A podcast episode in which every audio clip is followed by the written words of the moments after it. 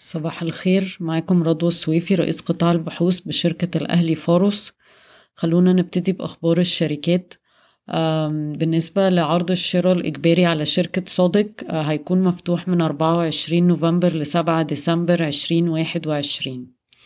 المصرية للمنتجعات السياحية سجلت في الربع الثالث إيرادات بقيمة 62 مليون جنيه مصري تقريبا بارتفاع 38.5% على أساس سنوي وصافي ربح حوالي 8 مليون جنيه مصري مقارنة بخسائر ما قبل ذلك وده نتيجة لبيع أراضي.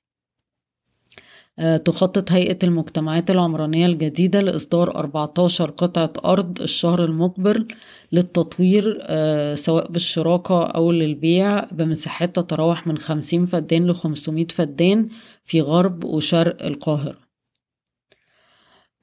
شركات الطيران سوف تحصل على خصم خمسين في المية على رسوم الهبوط والانتظار في مطارات البحر الأحمر وجنوب سيناء ومرسى مطروح والأقصر وأسوان حتى أبريل عشرين اتنين وعشرين لتشجيع خطوط الطيران على الهبوط في تلك المطارات.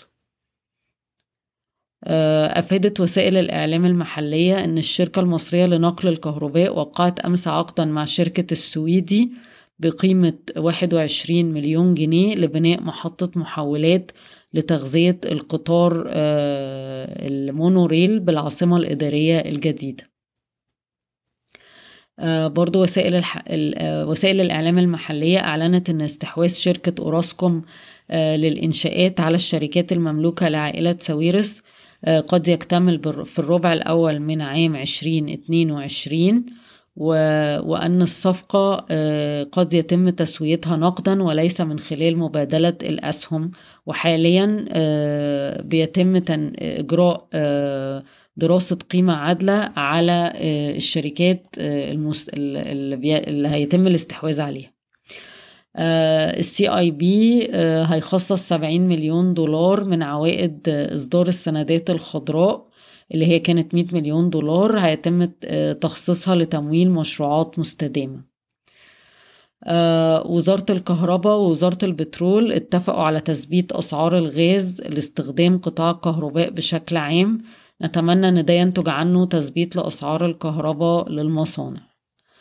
آه، قالت وزيرة التخطيط هلا السعيد أن الحكومة مستهدفة نمو في عام واحد وعشرين اتنين وعشرين خمسة وستة من عشرة في المية وده آه، مراجعة آه، من خمسة وأربعة من عشرة في المية.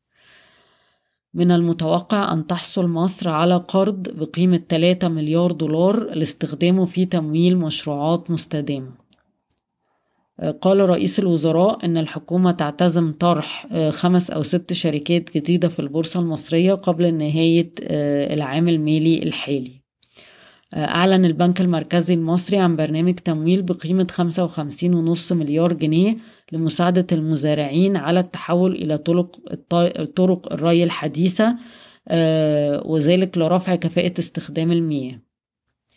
آه، بنك الأسيوي للاستثمار في البنية التحتية هيمول مصر ب 360 مليون دولار لتوسيع آه، آه، تنفيذ مشروعات مستدامة ومساعدة مصر على التعافي من الوباء. تسعى إسرائيل إلى زيادة صادراتها من الغاز الطبيعي عبر مصر في مطلع عام 2022 وأخيرا قالت وزارة المالية أن الحكومة صرفت ما يقرب من 30 مليار جنيه على 2500 شركة مصدرة في إطار السداد الفوري لدعم الصادرات. بشكركم ويوم سعيد.